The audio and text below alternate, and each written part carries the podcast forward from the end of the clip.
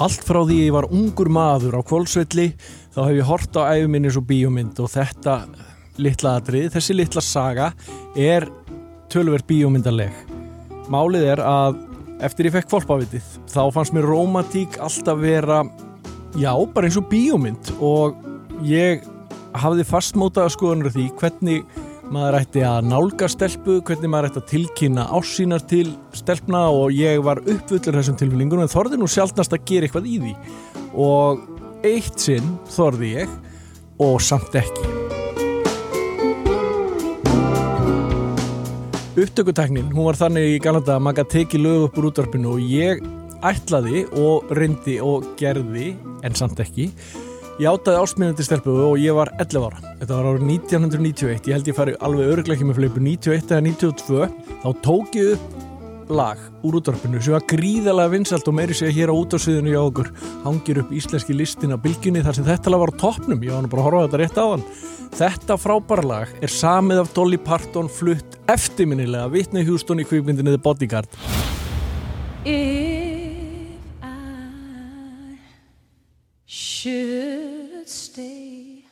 Rómatíkið heyrið að strax hún svífur gjörsanlega yfir vötnum. And I will always love you. Vissulega örlítið tilkomið meira hjá Vitni Hjústón en þetta var nú bara gert svona a cappella bara á þess að hafa eftir þetta nokkuð og það er fyrir ekki að snemma sem ég er að segja þetta þannig að kannski klukkan 5 þá hefði ég getað náð falsettinu alveg en við fáum aldrei að vita það Málið er ég tók upp þetta lag í kjölfarið á þessari litlu ræðu þá líklega mín fyrstu skref í útdórsmennsku þá sagði ég þennan litla mónalóg inn á kassetuna því að maður ekki tekið upp, maður ítti bara á held ég rekk og play, ég man ekki alveg hvernig það var á kolum kassetækjum þá virkaði hátalarinn bara eins og hljónum mig og ég tók upp kæra unnur mér langaði að senda þið þetta lag og tjáður ástminn og þetta var mjög háfleitt og ég vildi gefa svo margtur eiga þessa kassettu en þetta í dag Þessi kassetta var náttúrulega sett í hulstur og það var dásamlega skreitt, það var ekki væmið, það var ekki með svona hjörtu með einu slíku því að innihaldið þátti vissulega að segja hvernig með leið og hvað, hvað væri á þessar spólu ekki það sem stóði utan á.